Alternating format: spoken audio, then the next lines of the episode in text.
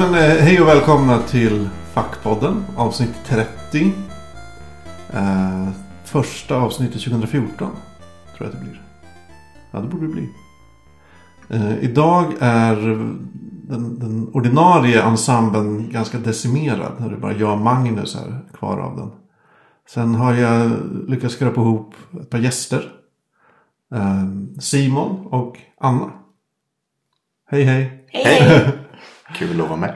Eh, ni kan väl presentera er på något sätt för, för de som nu skulle råka lyssna på det här. Du får börja Simon. Eh, Okej, jag heter Simon.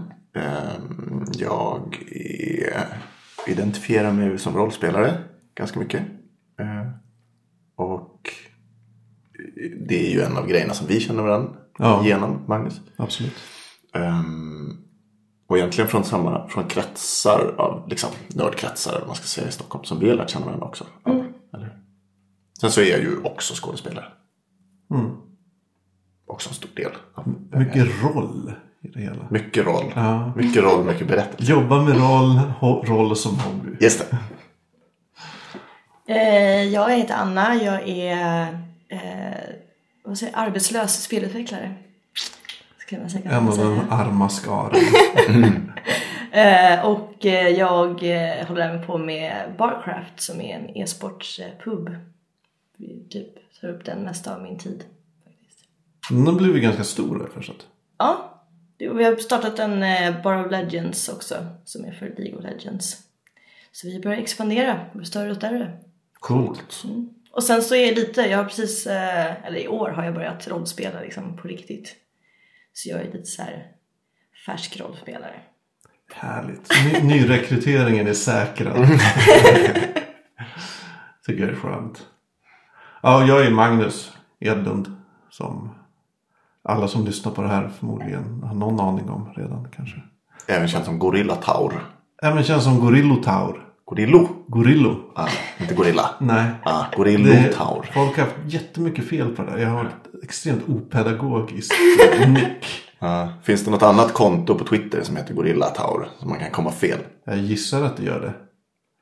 Shit. Men jag har hört att det skulle heta så här Gorilla Tour. Mm. Ja, massa olika varianter. Vad heter ni på Twitter? Alltså, ja... Det är ju aldrig någon som hittar mig genom att jag säger det. Sinda Vilja. Jättesvårstavat. Ja, och folk som har läst det vet inte hur de uttalar det. Eh, så det blir alltid fel. Men det är Sinda med S och sen W. Jag kommer inte ens ihåg. I-L-I-A. Ja. Så. Fint. Fett. Extremt komplicerat och obskyrt namn. Det är, eh, jag fick namnet genom en så här, alvnamnsgenerator eh, när jag var typ 17. Det är... Men det är alltid unikt och det är därför jag använder det. Det är liksom aldrig upptaget. Just det. Använder du det som, som eh, spelarnamn och sånt där? Alltså, ja, jag använder det överallt. Jag heter Simon J. Berger. Surprisingly enough. Märkligt. Hur har du, var det också en som- Eller dvärganamn kanske? Ja. Eh, nej men det är alltså avsnitt nummer 30. Så eh, det är ett stort kalas. Typ. Det är därför vi sitter här. Ja. Jätteroligt att ni kunde komma hit. Sen vad vi ska prata om, det vet du fan. Det är komplicerat det där man ska fylla den här timmen med ord och saker. Så här, kan man ha. Nej men vi, du nämnde något det innan vi tryckte på räck här. Just, eh, du hade lite funderingar om podcasts i allmänhet Simon. Mm, just det. Ehm, men för att jag, jag lyssnar inte så mycket på podcasts. Men jag ehm, blir ofta intresserad för dem. För att det är kul människor och eller eh, vänner och folk jag gillar som gör dem. Och då så ehm, jag blir ofta intresserad av dem och så lyssnar jag lite grann på dem. Och så hinner jag ofta, kommer jag ofta bara igenom ett halvt avsnitt och sen så är det något annat som gör att jag slutar lyssna. Och sen fortsätter jag inte. Och då har jag tänkt lite på varför jag inte, varför jag inte liksom hookar. Ja, jag, jag vet faktiskt inte. Jag har tänkt lite att podcasts är något man inte behöver lyssna uppmärksamt hela tiden på. Att det är sällan man, det gör inget om man så zonar ut i fem minuter medan man Yes. knyter skosnörena eller tar ett samtal eller vad det nu kan vara. Det hänger nog ihop med varför jag ofta inte fastnar. För att jag är ju en informationsknarkare till naturen. Så att min hjärna vill ju tugga information hela tiden. Mm. Eh, Och då tar det lite för mycket uppmärksamhet för att kunna typ läsa samtidigt. Eller skriva eller aktivt spela ett spel. Men det är inte tätt nog för att, för att gå med som hel, liksom, gå och ha hela uppmärksamheten på det. Nej. Ofta. Till skillnad från en radiodokumentär kanske där jag inte vill missa någonting. Jag gissar att det kan ha något med så här amatör. Det är så många amatörer Mm, som gör podcasts. Att det är inte så här välproducerade team som ligger bakom. Mm, kanske, fast ända sedan, ända sedan eh, Youtubes första eh, inkarnation där det ju var väldigt dålig bildkvalitet. Så har vi sett att, att innehåll är, innehållet regerar på något sätt. Att det inte måste vara proffsigt för att vara väldigt göttigt. Det måste inte vara liksom, slipade, polerade produktioner. För att vara bra och intressant. Vad har du för relation till poddar, Anna? Jag har ju haft en egen podcast. Berätta, vad hände med den? Den, eh, den, det var ett projekt vi hade, eh, en spelpodcast av bara kvinnor. För att det, vi kände att det finns inga spelpodcasts med ens, jag tror inte att det fanns någon podcast då som hade med ens en kvinna. I Sverige i alla fall. När var det här? Eh, fyra år sedan kanske, tre år sedan. Så vi var kanske 15 stycken, så tanken var att vi skulle rotera då. Eh, och det skulle vara grejen, att vi, var, vi var många som eh, roterade så man fick höra nya personer hela tiden. Men sen så, folk hade liksom inte tid och så. Men det var en ganska populär podcast ändå. Jag tror vi hade genomsnitt 700 lyssnare eller någonting. Det är bra. Ja, det är bra. Vad hette den? Gone Gaming. Finns den någonstans liggande kvar på internet? Nej, jag vet inte. Jag sökte faktiskt. Vi har inte kvar sidan nämligen. Eh, så jag sökte efter den. Jag tror att jag hittade några avsnitt på någon obskyr sida. Så om man googlar det så kanske man kan hitta. Spännande. Sånt, hur många avsnitt blev det? Oj, jag, jag vet faktiskt inte. Kommer inte ihåg. Ja, men det är lite fascinerande. Just 700 av lyssnare. Man kan ju få... en- Jag vet inte, det är väldigt lätt att få folk som lyssnar. Har jag känsla. Eller lätt, jag vet inte. men vi på Fackpodden har rätt nyligen har vi börjat använda en tjänst där man får statistik över hur många downloads och grejer. Och det är mellan 700 och 1000 nedladdningar per avsnitt. liksom. Gött. Och det är så här, vilka är alla de människorna? Kan inte, visst finns det en kommentarsfunktion på Ja, hemsidan? Kan inte alla som lyssnar nu, I'm talking to you people. Kan inte ni bara skriva så här, hej här är jag. Så man får en, en i kommentarerna. tycker man jag får en bild av vem det är. Och hur många det är. Gört. Det kostar ingenting att kommentera på, på fackpodd.se. Än så länge. Och typ skriva varför ni lyssnar. Ja, Ja. Om ni har tid. Gärna.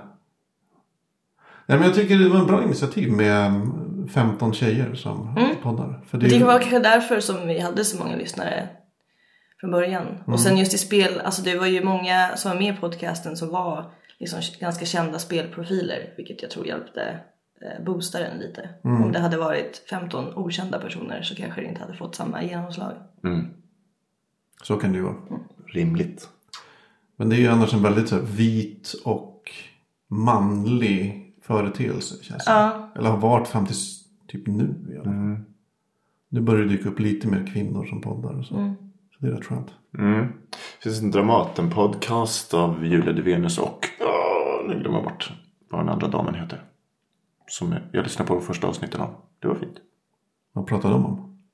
Dramaten? Yrket ganska mycket. Ja. Det var i alla fall den första avsnitten var väl, som jag har hört var väldigt så här. Var väldigt bra. Mm, och Julia har Intressant. ju en, jag tycker om hennes röst. Kanske ska testa listan på den. Mm, gör det.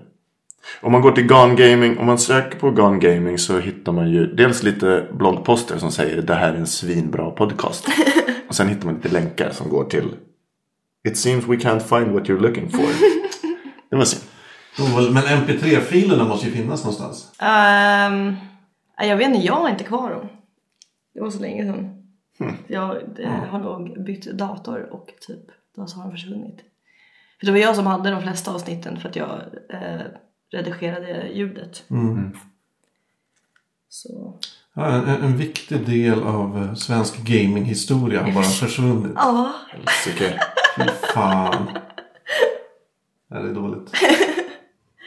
Avsnitt fem går att hitta i alla fall. Jag tror, jag tror att det var något som gick att hitta. Det var nog det.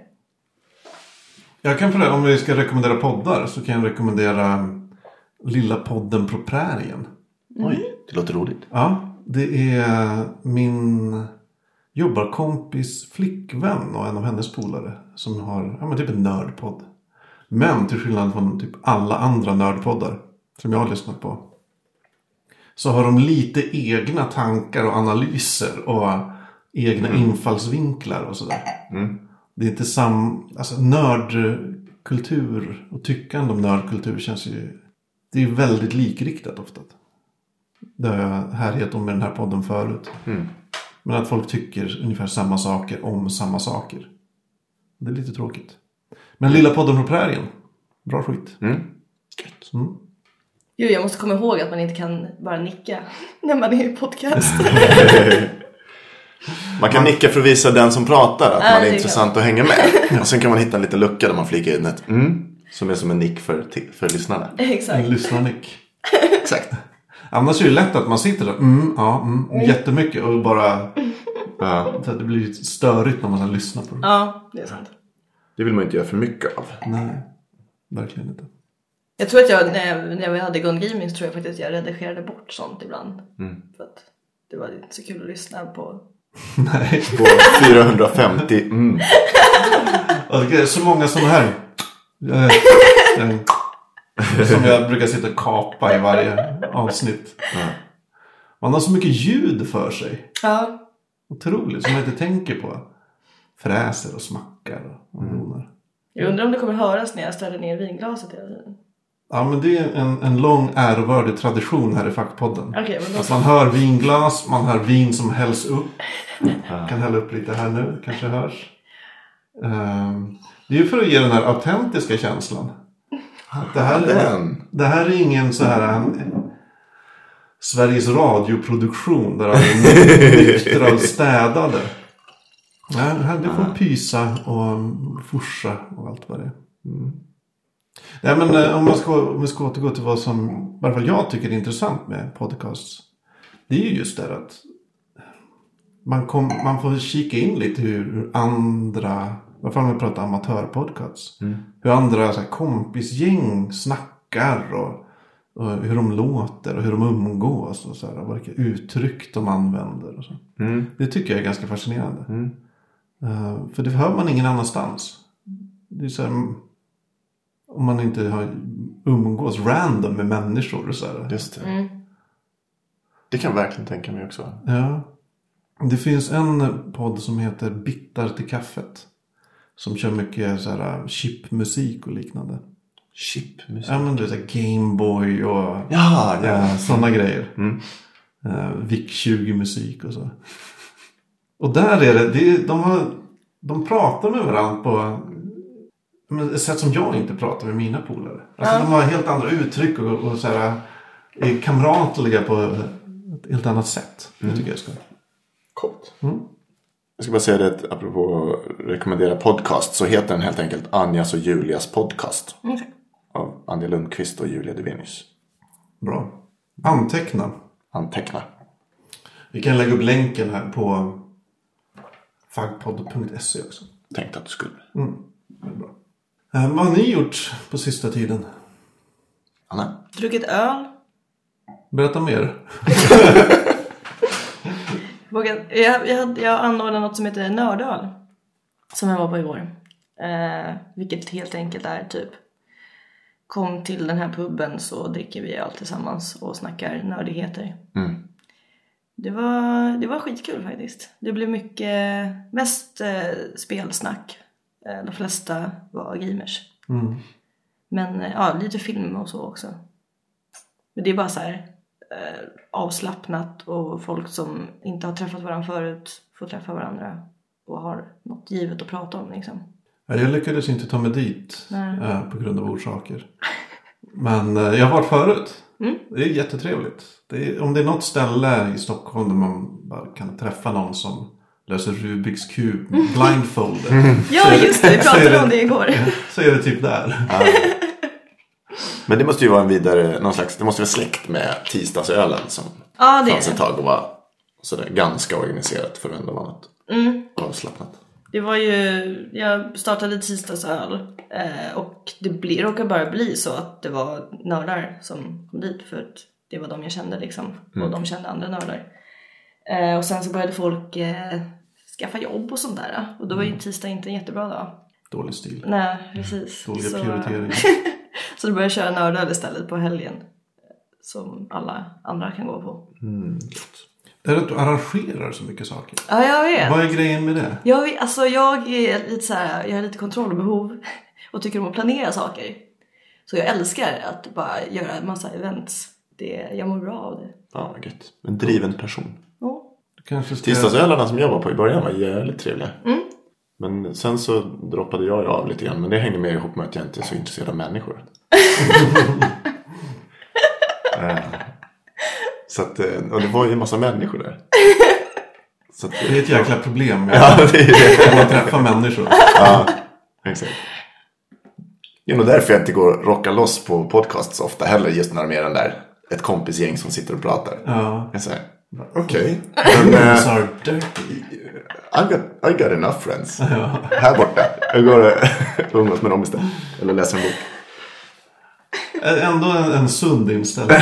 Bra att du tycker Man det. kan ju få för mycket vänner och bekanta. Är jag övertygad om. Men det är väldigt bra. Nördöl och liknande är ju jättebra om man ska säga, nätverka. Och så. Eh, det är ju helt fantastiskt. Ja, Om man gillar sånt. Ja, så länge jag orkade gå så lärde jag känna massa människor som jag är jätteglad att jag känner. Mig? Lite grann. Dig till exempel. Ja, det var där, eh, precis, det var specifikt där vi började träffas. För jag hängde med några andra dit. Som jag Ja. innan. Jag har lärt känna jättemycket folk eh, via tisdagsöl och nördöl. Vilket är ju ganska bra när man söker jobb dessutom. Just det. Ja, fy fan, söka jobb. Ja. Hatar det så. Och så ändå är jag fortfarande arbetslös. Hade Det är kort. Du gick väl ut en utbildning alldeles nyss? Ja. Man är ju bara arbetslös tills man inte är det. Just det. Sen är man inte arbetslös längre. Jag skulle säga att jag är hobbyforskare istället. Vad hobbyforskar du? Ja, hobbys. Jag vet inte. Ja, du forskar på hobbys!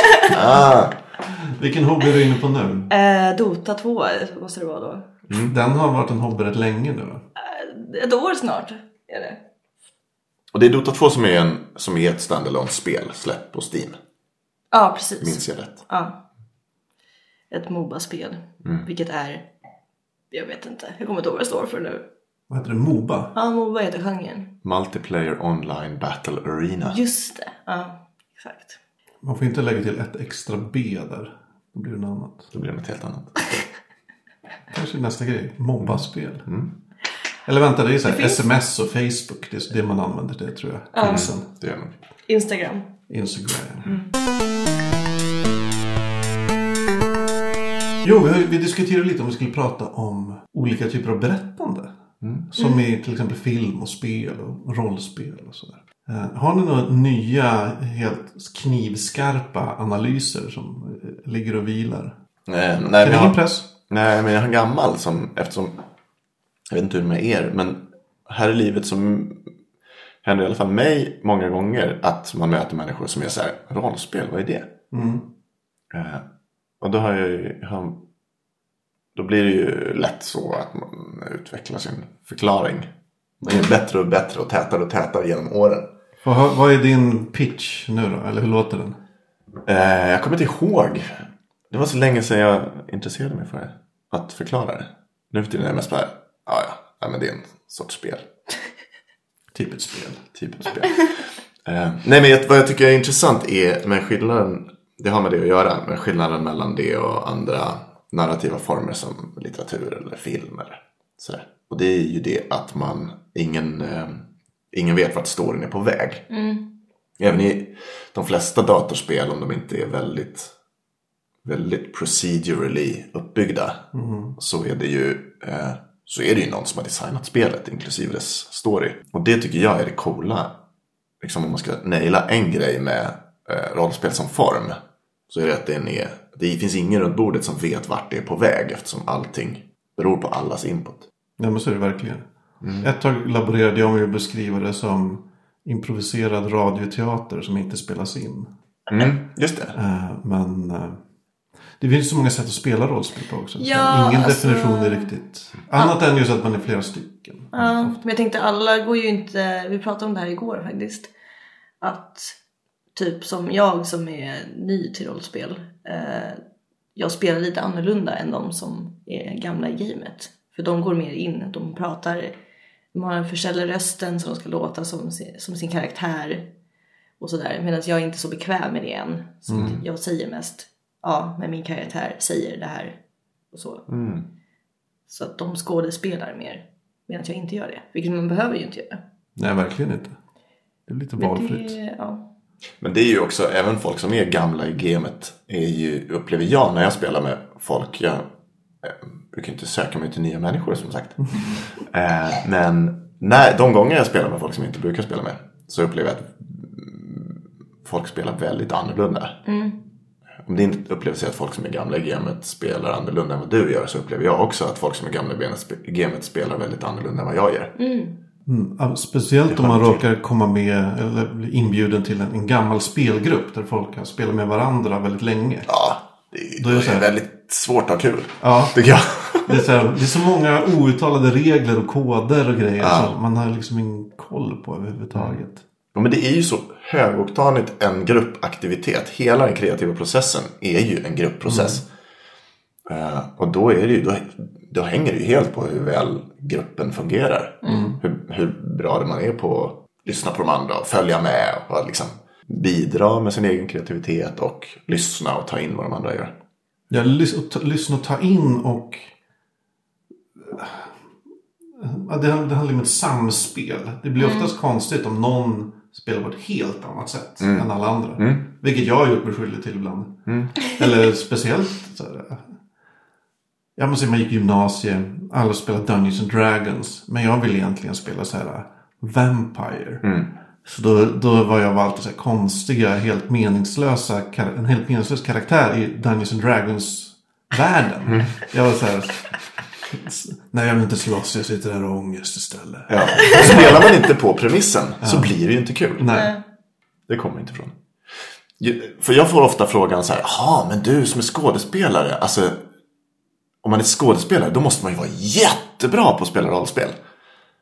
Det är en kommentar eller en fråga som jag ofta får. Är det så?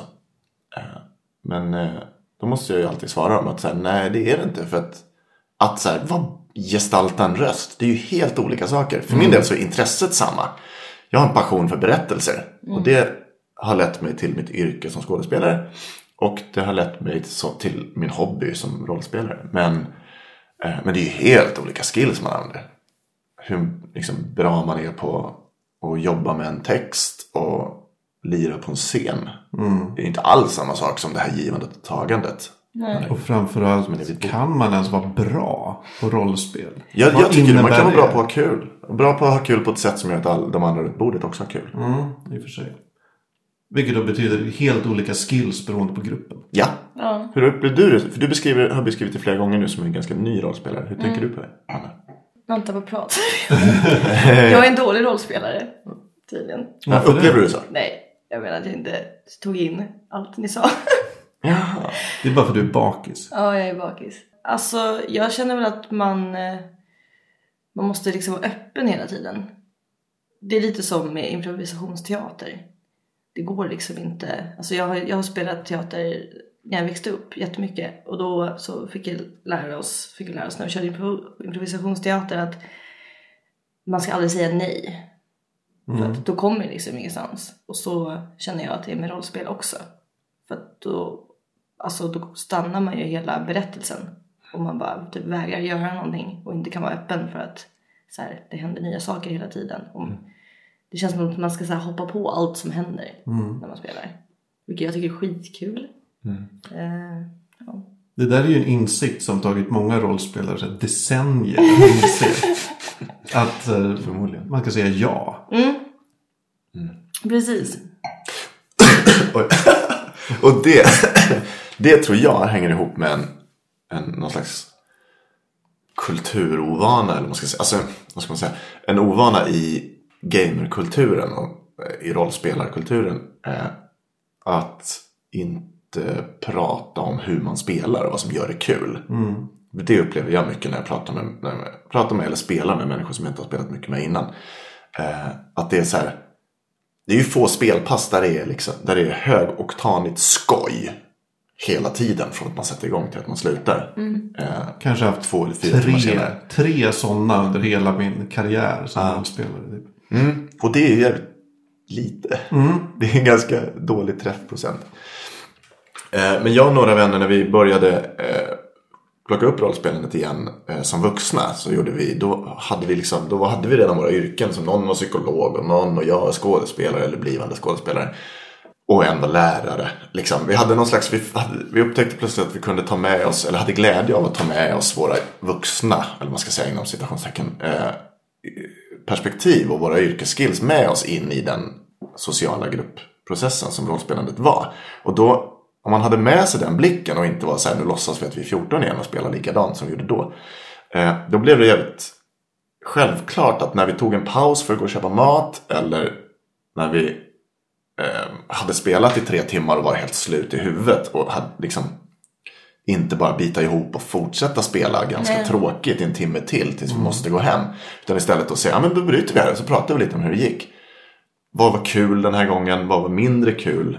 Och så pratade vi om det där och tog med oss det. Och sen nästa gång så satte vi oss och spelade igen. Och sen så liksom pratade vi kanske lite i pausen och lite efter igen. Och så på det där sättet så liksom utbildade vi varandra, eller oss själva, i att, bli, att försöka ha mer kul. Eh, och det, det var en enorm hit. Det var ju därför vi fick, jag och de här kamraterna fick en nytändning eh, efter att ha ja, men sådär, under flera år av vuxenliv bara inte fått till rollspelsträffar. Man träffas en gång, spelar ett pass och sen så eh, släppte vi det. Eh, och den historien känner jag igen från väldigt många andra vuxna rollspelare jag pratar med. Att det brukar gå till så. Men det här, att vi gjorde så här, det gjorde ju plötsligt att vi hade liksom, vi hade ju askul varje gång nästan. Förutom det så ledde det också till, och det är ju, det är ju en, en win. Liksom, om man har kul varje gång. Oh ja. Men eh, det ledde också till att passen blev bara två timmar långa. Till skillnad från den tidigare uppväxtens mastodontpass, maratonpass. Oh ja, Men det gjorde att vi hade 12 timmar och skit. Ja, helt vansinnigt. Och nu märkte vi att på två timmar så hade vi svinkul och var helt slut efteråt. Och det var ju bara för att det var liksom så förtätat. Det var inte död, dödsträckor och sånt. Mm. Och den grejen har verkligen förvånat mig när jag pratar med andra vuxna, inom citationstecken igen, rollspelare. Att man inte verkar göra. Folk sitter liksom tillbaka, sju, tillbaka sju, lutade i soffan och sitter och ritar med någonting annat. Sådär, typ väntar på att transportsträckan ska ta, kul, ta slut. Men då har man inte kul hela tiden. Nej, det har man inte. I, I mitt fall, när jag med min gamla spelgrupp började prata om vad som var, vad vi tyckte var roligt och liknande saker. Vilket tog jättelång tid innan vi började med det. Alltså vi var, om vi säger att vi började spela tillsammans när vi var 15. Så var det här kanske 15 år senare, vi var 30 då kanske. Då insåg vi ju, jag tror det var början till slutet för den spelgruppen. Vi började inse att vi tyckte så helt olika saker var så roligt. Och att vi bara hade spelat tillsammans för att vi alltid hade spelat tillsammans. Mm. Eh, så då blev det så här, ja, aha, ja men jag gillar det här och det är inte ni. Och du gillar det där, ja men det är inte du och så vidare. Kändes det som en win för att ni kunde slipa vad ni valde att göra? För att ha mer kul? Eller kändes det som en förlust för att ni upptäckte att det här kommer aldrig ge skoj åt alla? Nej, det var ju mer en, mer en förlust. Tror jag. att det, nej men samtidigt också så ja vi kanske haft, hade en dysfunktionell spelgrupp under många år. Där vi egentligen inte klickade med varandra. Annat än i så undantagsfall. Och så var det de undantagsfallen man så klamrade sig fast vid. Och, så då kanske det är lika bra att lägga ner den gruppen. Liksom. Tror jag. Sen var det inget medvetet beslut att vi la ner den. Det, det, blev, det bara blev, blev så. Liksom. Hur har dina pass så här långt varit? Eh, alltså jag, men jag har varit med tre pass tror jag. Av, och det har varit fler. Vi är, jag är i samma eh, grupp som Magnus. Eh, och vi är ganska många för att vi upptäckte att alla kan inte alltid. Det är alltså inte samma grupp som jag berättade om Nej. eh, alldeles nyss. Utan en annan Nej, grupp det. som jag var med i lite grann i början. Så här. Ehm, så de har sett ganska olika ut passen. Men vi kör alltid ett bestämt antal timmar. Vilket är tre timmar tror jag. Och, fast, och grejen är att som oftast är det alltid minst en ny person med. Så blir det alltid en startsträcka. För att man ska introducera den eh, karaktär. Eh, plus att om, som jag, jag hade inte spelat på säkert tre månader. Och då har det ju hänt saker när jag har varit borta. Så att då måste jag ju så här få veta vad, vad som har hänt, var är vi nu? Och då blir det mycket frågor. Eh, Vår spelledare lägger dock upp krönikor efter varje gång. Eh, som, då skriver han vad som har hänt eh, just under den spelomgången. Så man kan ju läsa på vad man har missat. Men det är alltid några frågor till. Eller jag, jag, jag ställde ganska många frågor sist. Ja, Det är en extremt ambitiös spelledare, Mattias. Ja, verkligen. Är, han kör hårt. Ja. Mycket dokument och... Ja.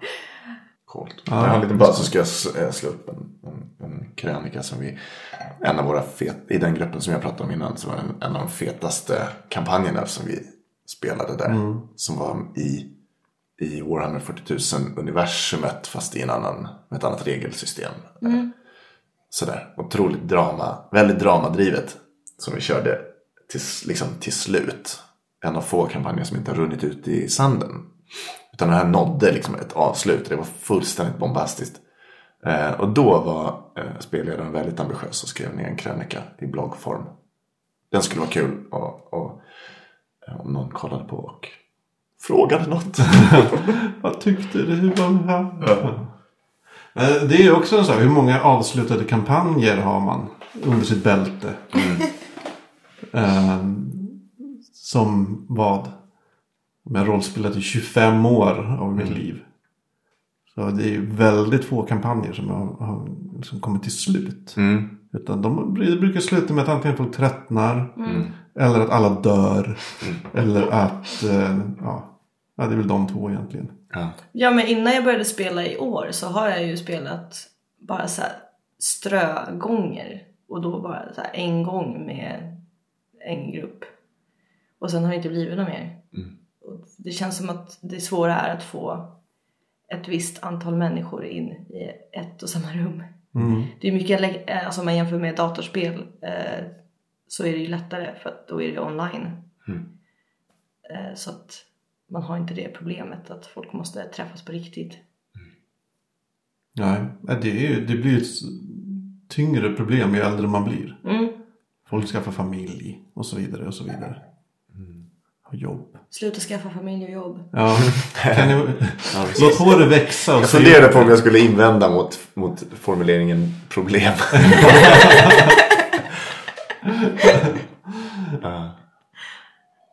Men det har vi, det har också, den där, den, den gruppen som jag pratade om när vi liksom la ner ett arbete på att få ut mer av det roliga när vi spelar. Så har det verkligen lett till att flera kampanjer blev avslutade också. Ja, det kan jag tänka mig. Så hade vi flera stycken som var. Och de, det var ofta inte mer än eh, max åtta avsnitt tror jag. De som kändes långa var åtta. Mm. Jag hade någon som gick till tolv. Annars mellan fem och åtta brukar de, brukar de nå någon slags slutpunkt. Och, men det hängde nog också ihop med att en skill som vi började, som vi liksom arbetade på att lära oss. Eh, det var just att känna igen, okej, nu börjar vi liksom tröttna lite, börjar bli, vi blir lite färdiga med det här. Med de här rollfigurerna, vi börjar bli lite färdiga med att spela i den här storylinjen, i den här världen. Så då ser vi till att driva handlingen mot ett avslut. Mm, okej. Och det var ju en jättebra utveckling. För att det är det är ju kul att avsluta. Men liksom hur lång, jag har ju aldrig spelat så långt att jag har avslutat en kampanj. Hur Mm. lång tid brukar det ta? Det är jätteolika. För jag har hört finns nog folk... inget brukare. Alltså. Nej, jag har hört av folk som har spelat samma kampanj i liksom flera år. Ehm, men det känns som att det skulle bli tröttsamt om man inte nu så älskar eh, om alla älskar sina karaktärer och sådär. Kanske det funkar. Sen använder ju folk ordet kampanj lite olika. Mhm. Somliga kallar kampanj är typ allt man gör med samma rollfigur. Mm. Alltså att... eh, Och då kan man ju fortsätta länge som helst. Ja, Medan andra använder kampanj som en, en liksom på en avslutad story arc. jag tänker, alltså jag har sett kampanj som just avslutad story. Eh, men sen, ja förr då var det ju så här, man, man spelar klart en båge, eller vad man ska kalla det. Och sen börjar man en ny med samma karaktärer. Och då tänk, tänkte man fortfarande på som samma kampanj. Även om det kanske egentligen var två olika avsnitt eller säsonger eller vad man ska kalla det. Ja, den, det vi har gjort där är att vi har kallat det för avslutat. Så kanske vi ville spela något helt annat eller så icke-spelade vi under en längre period. Och sen så var det så här, ah fan jag saknar den där karaktären, jag skulle vilja se en fortsättning. Men då har vi haft, också haft nytta och glädje av att formulera det som att vi startar en ny kampanj. Då är liksom den gamla kampanjen är backstory. Och eh, så är det så här, okej vad är läget nu? Vad är situationen för rollfigurerna? Någon kanske startar en ny. Någon, någon kanske inte har lust att plocka upp samma rollfigur som innan. Eller man byter spelledare men är kvar i samma värld. Eller, eller något sånt.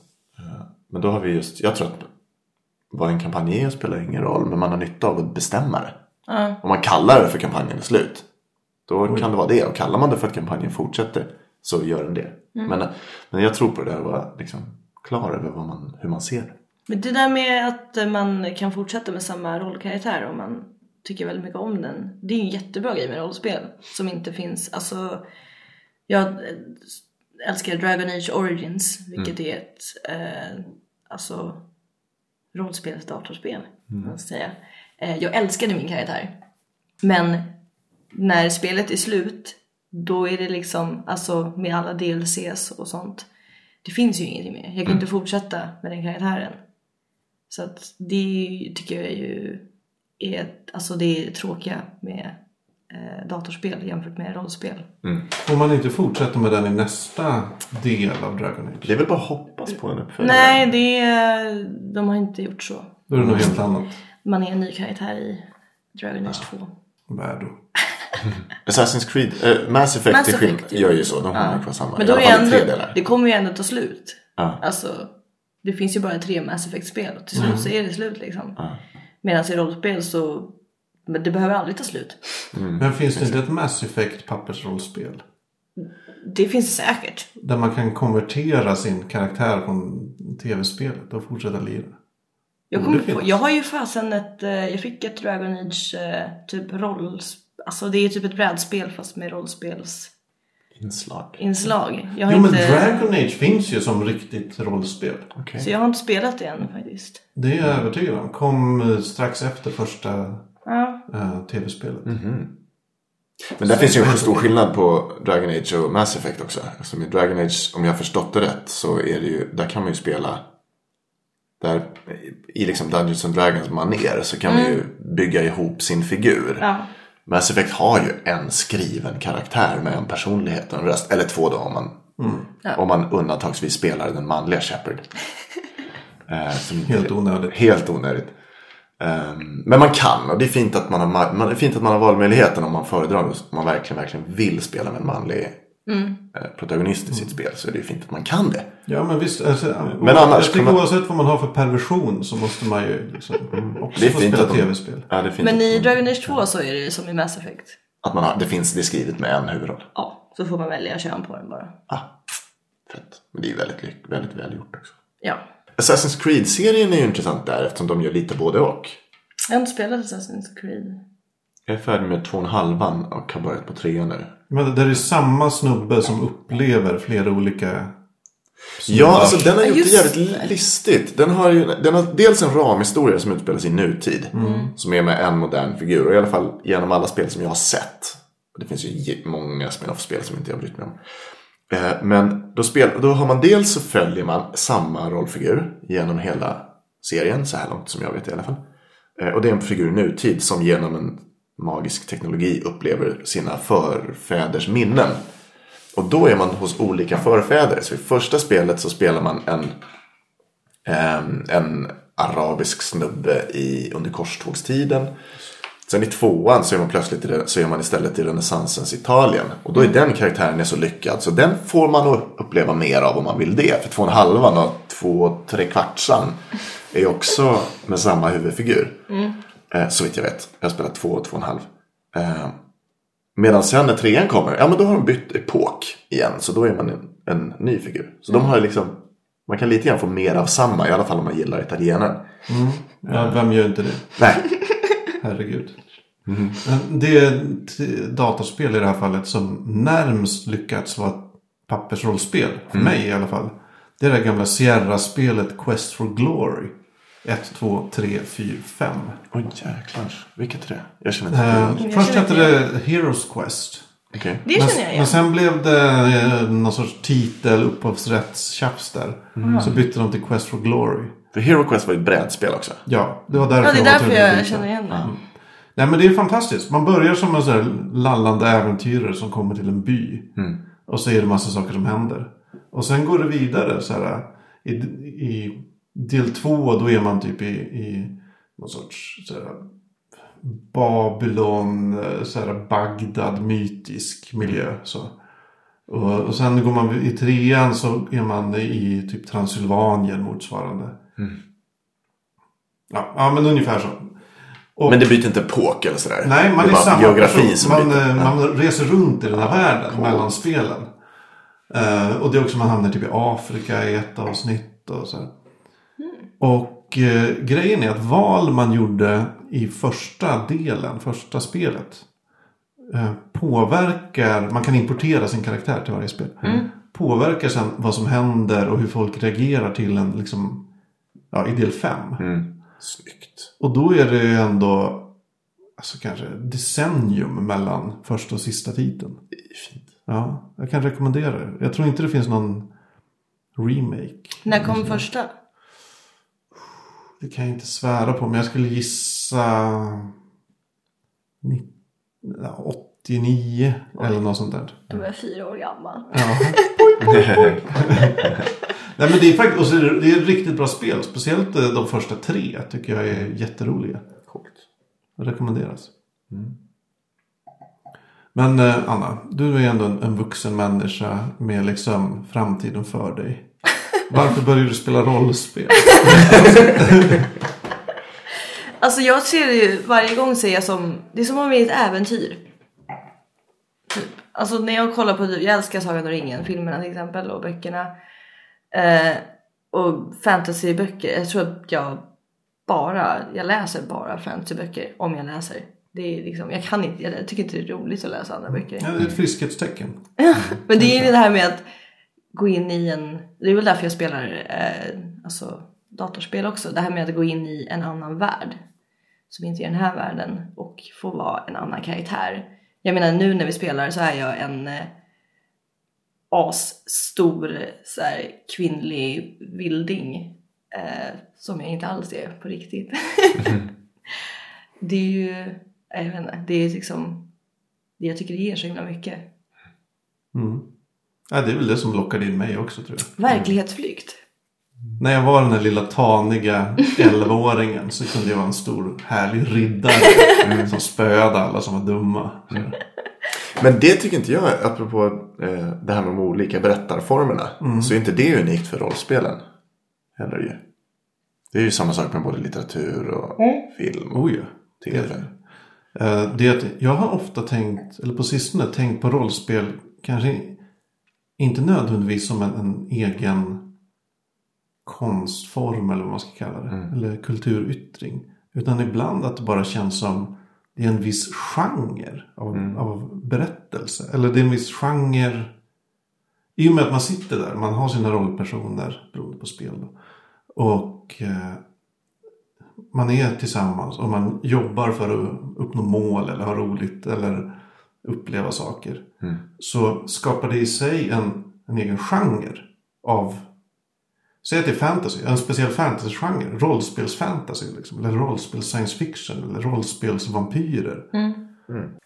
Som ofta, om man pratar traditionella rollspel, säg. Ja men Drakar och Demoner eller Dungeons and Dragons och så. Så blir det ju en sorts genre där huvudpersonerna är väldigt effektiva. Alltså väldigt så här problemlösningsfokuserade på något sätt.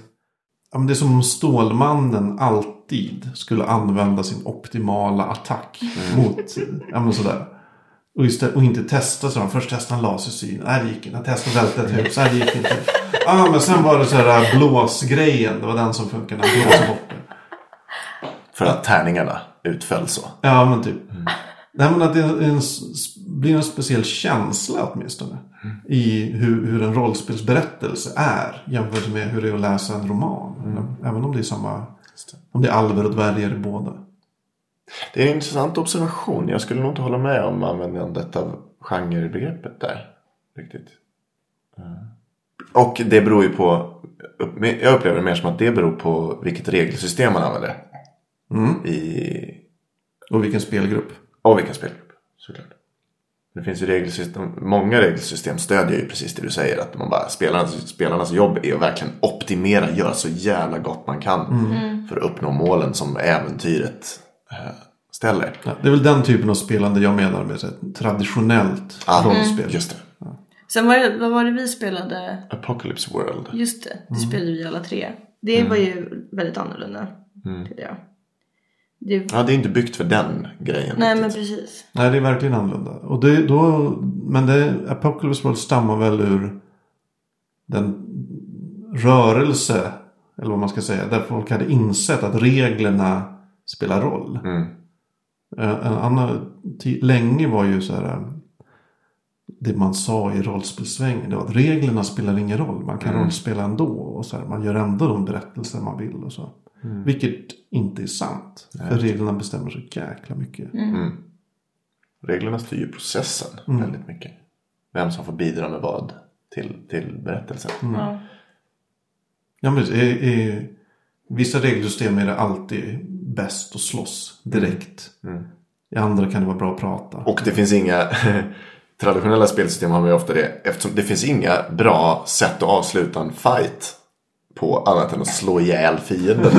Jag menar, då blir alla rollpersoner blir så här massmördare. Så fort det är en konflikt så, så det, enda, det enda rimliga att göra det är att försöka bara slå tills man har nött ner den andras kroppspoäng. Den andras hitpoints till noll. Och den är död. I China Mayvilles eh, fantastiska roman Perdido Street Station. Så har han bara en kort blinkning till rollspelare. För vid ett tillfälle så hyr några in ett par äventyrare. som ska liksom lösa lite problem. Ja. Och det här, det är som, de är liksom alla är så här, helt, helt suspekt, eller väldigt försiktiga bara. För det är typ som ett gäng luffare med vapen kommer in och så här, nu fixar vi det här. Ge oss bara guld så fixar vi det här. Och helt amoraliska ja, men mördare, massmördare. Liksom. Det är ju just det, men det om de beskrivs precis så så anspelar det ju på ett begrepp inom Dungeons and Dragons spelandet som är att rollfigurerna är murder hobos. Just det. Alltså ja. mördarluffare. För man drar runt och så sitter man på en krog och så kommer någon och säger här har ni en karta och ett uppdrag. Och så, man, och så rycker sig alla på axlarna och bara okej jag går och så använder sina guldmynt och köper lite nya vapen. Och sen så går de iväg och så slår de ihjäl folk. Och sen så har de fått mer guld och så köper de nya vapen. Alltså, Det så drar de till nästa, sen nästa avsnitt så sitter de på en annan krog någon annanstans. Det hade jag väldigt roligt med en gång när jag var spelledare. Just den att, folk, att spelarna beter sig så. Och det var ju att efter många äventyr så upptäckte de ju att alla de här kartorna och grejer de fick. Allt var ju bara planterat av en skurk som fick dem att, att röja alla hans fiender ur vägen. Alltså. Det är jättebra. Alla, alla goda krafter gick de och dödade. Så. Helt bara för lite pengar. Ja, men för spelar man in med liksom drama, dramaform, dramaspelaktigt så då uppstår ju inte den situationen att rollfigurerna är mördarluffare som bara drar omkring. Eftersom då uppstår ju alla, då kommer ju alla händelser, alla, allt det som utgör äventyret eller storyn och motståndet och sånt där kommer ju ur vem rollfigurerna är och vilka, vad som finns i deras liv. Det blir karaktärsdrivet på ett annat Det sätt. vore i och för sig intressant att göra en, en seriös kampanj baserad på att man är murder hobos. Och så, jag kan, och så här, hur den, en sån grupp med sådana människor ens kan fungera tillsammans. Och så. Alltså svårigheten är ju nog inte att göra det, för svårigheten är att göra det och få det att bli bra och kul. Jag tänker att det kan bli mycket så här om man gillar ångestrollspel och så. Man mördar sig och man begår hemska brott. Och så. Ja, jag vet inte. Kanske. Spännande, spännande. Kanske. Men eh, för dig då Simon, vad är det som... Finns något förutom själva det sociala i rollspel som, som, drar, dig, som drar dig till det? Liksom, framför andra konstformer eller vad man ska säga. Varför väljer du att lägga så här tre timmar på att eh, spela rollspel med dina polare istället för att kolla på en film tillsammans med dem två timmar? Eh, ja men det är ju det är just känslan av att man eh, bygger, skapar och upplever en, en berättelse samtidigt. Man, eh, samtidigt. Alltså man skapar och upplever den samtidigt. Sen så är ju en jättestor del i det är ju bara det är ju det där som vi pratade om för en stund sedan. Att det är ju fantasin. Att, få, att låtsas vara en annan figur som är med om helt andra grejer. Och antingen det är så banalt som att man kan låtsas att man är en figur som kan flyga för egen kraft. Coolt.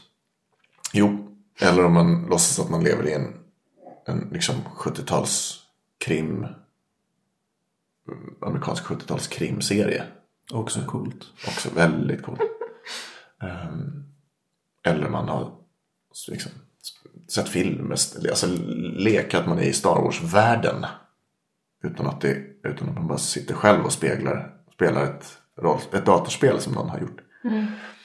Ehm, det, det är nog det. Jag upplever ibland att, att kan man säga, världarna som rollspel utspelar sig inom är ganska begränsade.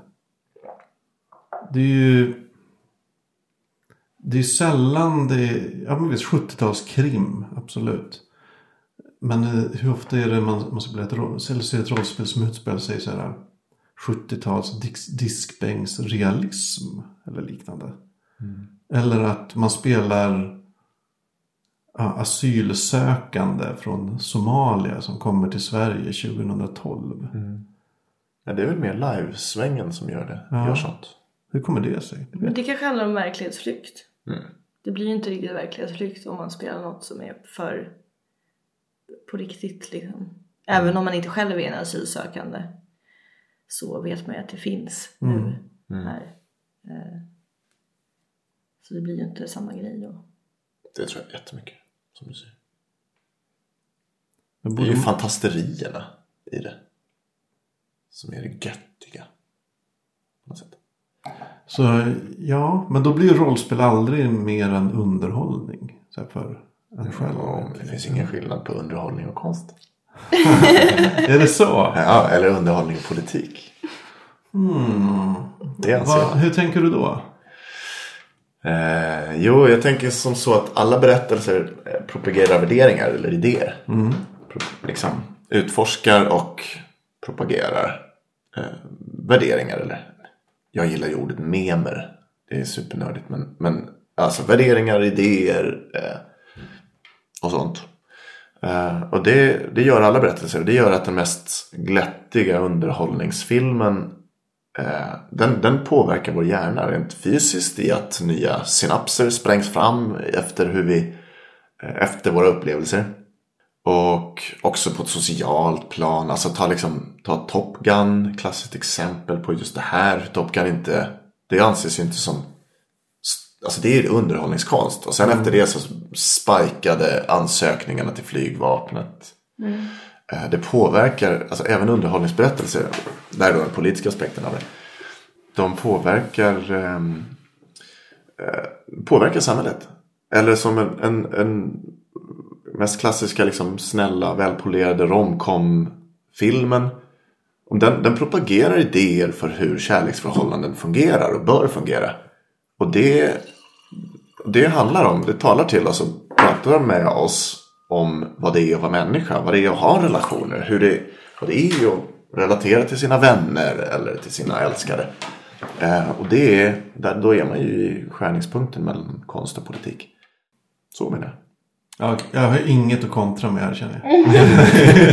jag, lägger ner, jag lägger ner vapnen. Om jag dem. Men eh, hörni, 2014. Hur känner ni inför det? Eh, Dragon Age 3 kommer då. Oh. Men inte först typ ja, om, om ett år typ kommer. Nu kommer slutet. Och då till jul. Ja, Typ antagligen. De har inget sätt. De, säger, de har sagt det hösten 2014 har de sagt. Men jag har väntat på det här spelet väldigt länge. Är det det här Inquisition? Ja, Inquisition ja. Dragon Age Inquisition. Vad väntar du dig av det? Jag förväntar mig eh, asmycket. Eh, alltså jag älskar ju ettan. Tvåan tyckte jag var jättebra också, men inte lika bra. Eh, och det är ett bra, ett gott tecken att de har tagit lång tid på sig nu för att tvåan var lite framhastad. Och att de har... Alltså de Vänta, har finns det en tvåa? Vad är tvåan? Vad heter den? Dragon Age 2 heter den bara. Jaha. Originellt. Eh, så att de har verkligen så här, tagit in vad eh, communityt har sagt. Så det verkar som att de försöker, de har försökt få till en optimal eh, mix av ettan och tvåan. Vilket jag är väldigt pepp på. Och i, som i ettan så kommer man få välja liksom, olika raser och så. Det man inte fick göra i tvåan. Det var ju mer ja, men som Mass Effect liksom. Man är en specifik karaktär. Så det är alltså, det finns, jag är så himla pepp. Och det är ett år kvar. Ja, jag har sett trailern. Eh, eller inte, det är ingen trailer, det är liksom typ 20 minuter gameplay. Eh, det såg helt fantastiskt ut. Och då är det ändå ett år kvar. Mycket kan ju ändras, men det är det är sjukt snyggt till att börja med. De har gjort det i vad är det, Frostbite 3. Vet inte vad det är för något. Det är samma motor som Battlefield 4. Som är, alltså, Frostbite är svenskutvecklat, det är DICE som gör den motorn. Så man ska vänta sig någon slags extremt realistisk fys- fysisk värld? Är det Ja. vad motorn avgör? Ja, precis. Det, det såg väldigt snyggt ut. Men hur kan det här någonsin komma att leva upp till dina förväntningar? Om det ska gå ett år och så här stampa av förväntan. Jag litar på dem. Ja. ja. Gött. Hur ser ditt 2014 ut då Simon? Eh, ja... Jag väntar besked från grejer. Alltså, jag, så fort jag ska svara på den så kommer jag in på jobbperspektivet. För det har så himla eh, styr livet så mycket. Eller för min del i alla fall.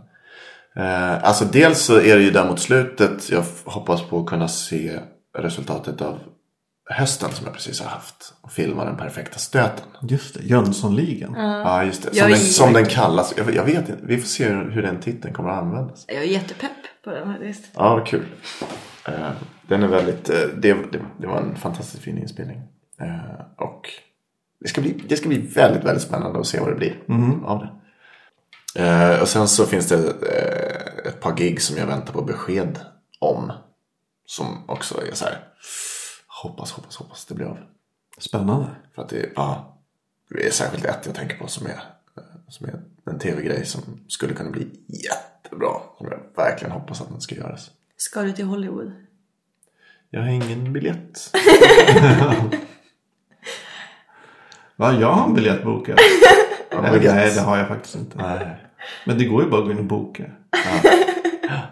Så här, pröva lyckan, etc. Ja. ja, men gör det. Ja.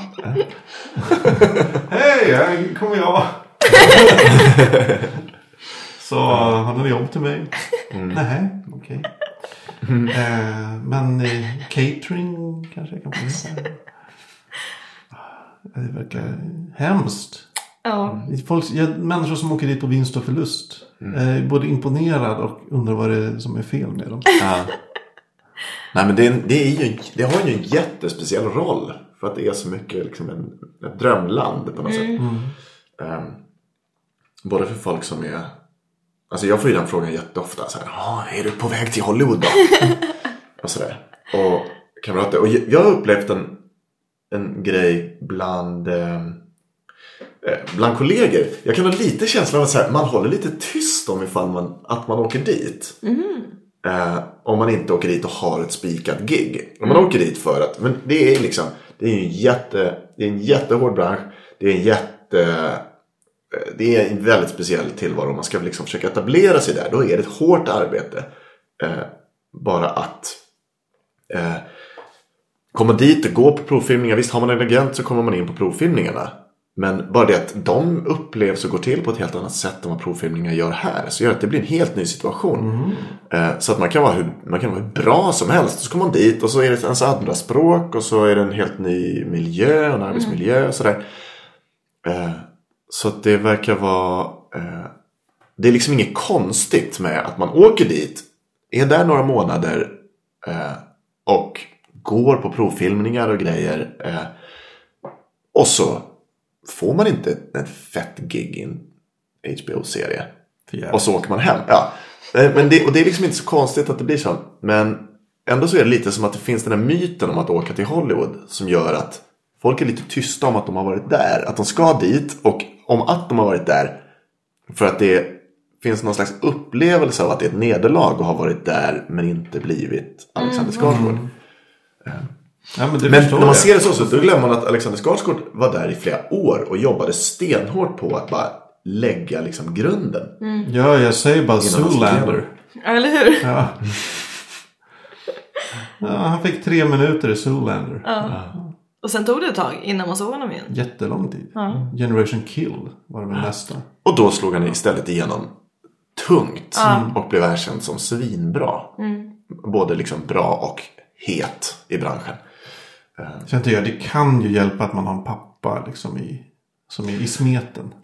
Alltså det kan väl öppna dörrar in men jag menar det är ju ingen som kommer sätta dig på sin Det är ingen som kommer sätta dig som affischnamn Nej, nej, men det är, Förrän du har visat vad du kan. man har fått dörrar in. Men är man en jävla värdo så hjälper ju inte det särskilt mycket. Oftast. Om inte man är en sån här Weinsteins son. Eller. Nej, exakt. Men eh, det är många som är supertalangfulla som är, inte ens hittar dörren. Just det, precis. Det kan vi inte neka till. Men det är väl lite som i spelbranschen. Alltså när jag gick i, eh, i, eh, i skolan fortfarande så hade jag kompisar som, eller klasskamrater som bara Men Anna du kommer ju lätt få ett jobb för du känner så många. Och jag bara ja, jag bara, mina kontakter kommer ge mig kanske en arbetsintervju. Men det kommer inte ge mig jobbet. Det, måste ju, det måste ju jag fixa själv liksom. Det spelar, inte spelar ingen roll hur många jag känner för att få jobbet. Men det spelar såklart roll för att komma in lite. Ja. Ja men precis. Hur är kom- som med agent. Alltså jag har, ju, jag har en enormt bra agentfirma här. Ehm, och jag menar, de kan ju aldrig ge mig mer. De kan ju inte få mig längre än till in på provfilmningen. det är Nej, precis samma sak som din arbetsintervju. Ja, Nej, och jag kommer ihåg när, när jag pluggade till journalist. Det var ju massa människor som var extremt begåvade där. Som sen aldrig fick något jobb. För att ja, de kanske hade oturen att hamna på en praktikplats där de inte kom överens med chefen. Eller där det just precis hade tillsatts sista sommarjobbet eller vad det nu kan vara.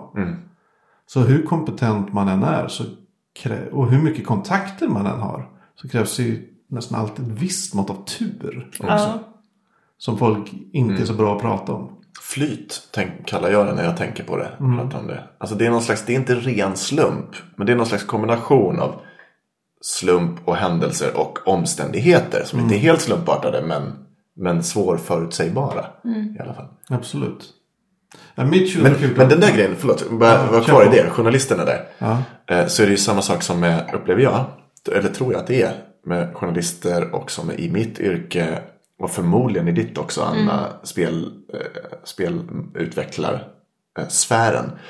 Att är det, det, är, det är frilansbranscher och att leva ett frilansliv kräver andra saker än att vara bra på själva jobbet. Man måste liksom klara av den sortens livssituation. Man måste kunna stå ut med att, att att en, en välfungerande arbets- yrkessituation innebär att man har flera månaders långa luckor när man inte vet om man någonsin får jobb igen. Och så kanske man får det efter två veckor eller så får man det efter två månader. Eller så kanske man går, blir gående ett år. Typ. Alltså att, att stå ut med den där den tempoväxlingen och stå ut med den, den osäkerheten som det innebär. Det är ju en slags skill som man inte lär sig på utbildningarna. Och, och förstå vad, vad den som anlitar den vill ha. Och vilka, vad den har för... Vilka förhållanden den lever under. Och så. Jag kommer ihåg Peter Bergting, konstnär, serietecknare, illustratör. Han sa, eller om det var skrev, jag kommer inte ihåg vilket sammanhang det är. Han sa någon gång så här, ja men jag inte, har inte, har inte nödvändigtvis vara bättre än någon annan. Eller liksom så här bättre på att hitta nya jobb eller något sådär. Men däremot har jag alltid lämnat innan deadline. Varje gång. Jag har aldrig gått över en deadline. Och i många Jag vet ju själv så här, när jag jobbar på Aftonbladet. När vi anlitar frilansare. Kan inte de lämna på deadline innan deadline. Då, då är det så här, då ska det vara så mirakulöst bra för att det ska vara motiverat. Annars är det bara, ja hej då. Tack. Eller vara stjärna på något sätt. Förmodar jag. Ja, Det är ju en eller redan, redan vara ett namn. Ja, exakt. Absolut. Jan Guillou kan ju lämna en dag efter deadline kanske. Ja. Så. Ingen bryr sig så.